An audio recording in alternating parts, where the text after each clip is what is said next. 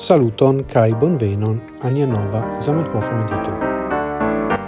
Hodiaŭ mi volas legi el tiron el la antaŭparolo alla aldono alla dua libro 1888 kiun vi povas trovi la el tiron kiun mi legas je pagio kvardek.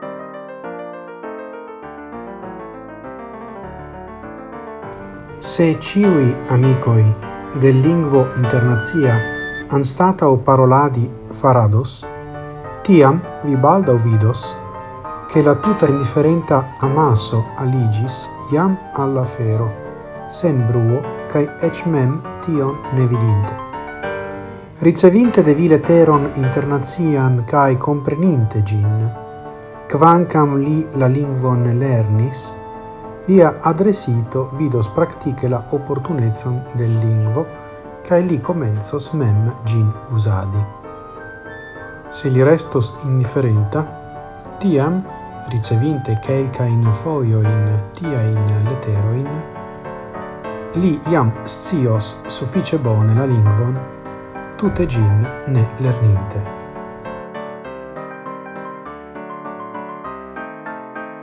Pro la peso de la tradizio, esperantistoi ofte neglectas la povon de travidebla lau intuizia ec compreno de texto en la lingua. Fakte, tra la historio de interlingvistico, unu e la cefai causoi de la estigio de rivaloi de Esperanto estis, giuste, la critico che Esperanto nestas tute tui el legebla cae compreneble el legeblezzo sen studado estas mito, char tio dependas de la lingvoi in la leganto iam conas.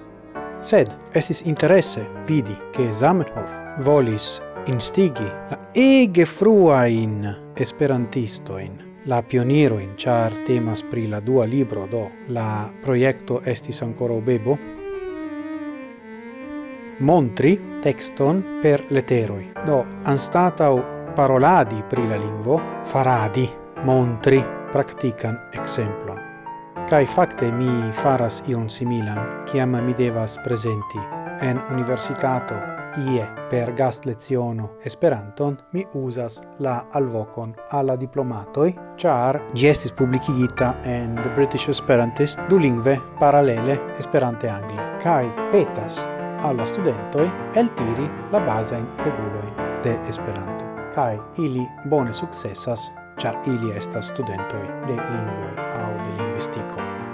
Do mi volas instigi nin kun mediti pri la povo pri montro de afero antaŭ ol pri parolado de afero kaj aparte de la afero Esperanta.